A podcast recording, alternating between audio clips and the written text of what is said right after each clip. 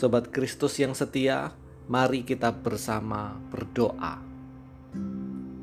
Tuhan Allah Sang Sumber Rahmat kami percaya akan perlindungan-Mu. Tuhan Yesus, Sang Sumber Keselamatan, kami juga memohon ampun atas dosa dan kesalahan. Sang Roh Kudus, Sang Penuntun Sejati, kami membuka diri terhadap pimpinan dan tuntunan Tuhan dalam pesiarahan kami di dunia. Amin. Sobat Kristus yang setia, saya akan membacakan Kejadian pasal 12 ayat 1 sampai 4. Kejadian pasal 12 ayat 1 sampai 4.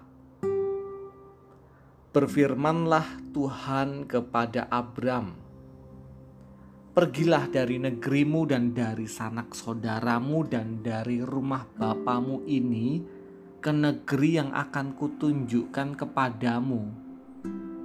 Aku akan membuat engkau menjadi bangsa yang besar dan memberkati engkau serta membuat namamu masyur dan engkau akan menjadi berkat.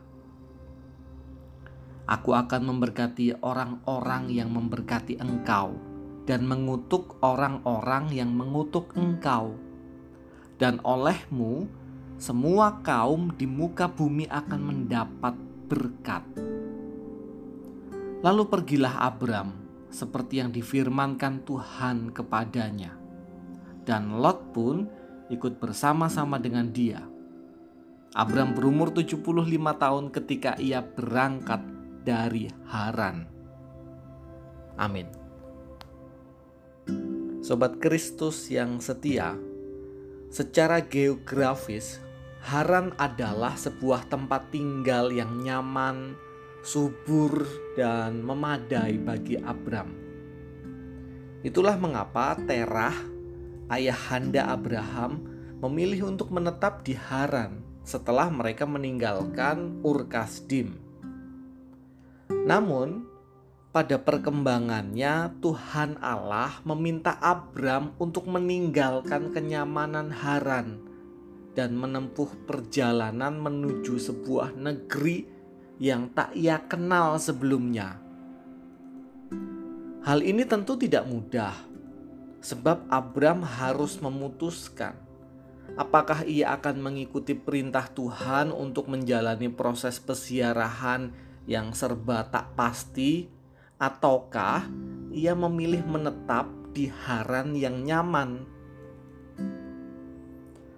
Bagaimana dengan kita? Tatkala kita diperhadapkan dengan keharusan untuk memutuskan sesuatu, pertimbangan terhadap aspek positif dan negatif dari setiap alternatif pilihan tentu kerap kita kedepankan, bukan? Akan tetapi, setelah menimbang secara rasional, ingatlah untuk membawa setiap pilihan kita di dalam doa.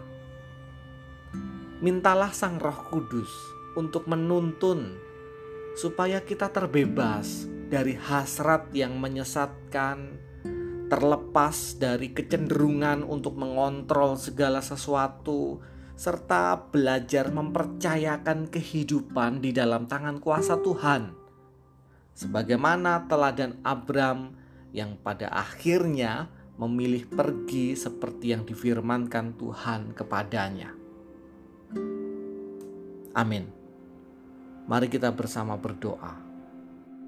Allah Bapa, ingatkanlah kami untuk selalu membawa seluruh pilihan-pilihan kami terlebih dulu ke dalam tangan kuasamu Sang Roh Kudus anugerahkanlah kami hikmat yang terbuka untuk menyambut segala kemungkinan.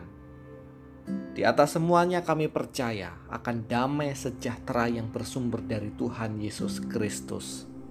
Amin.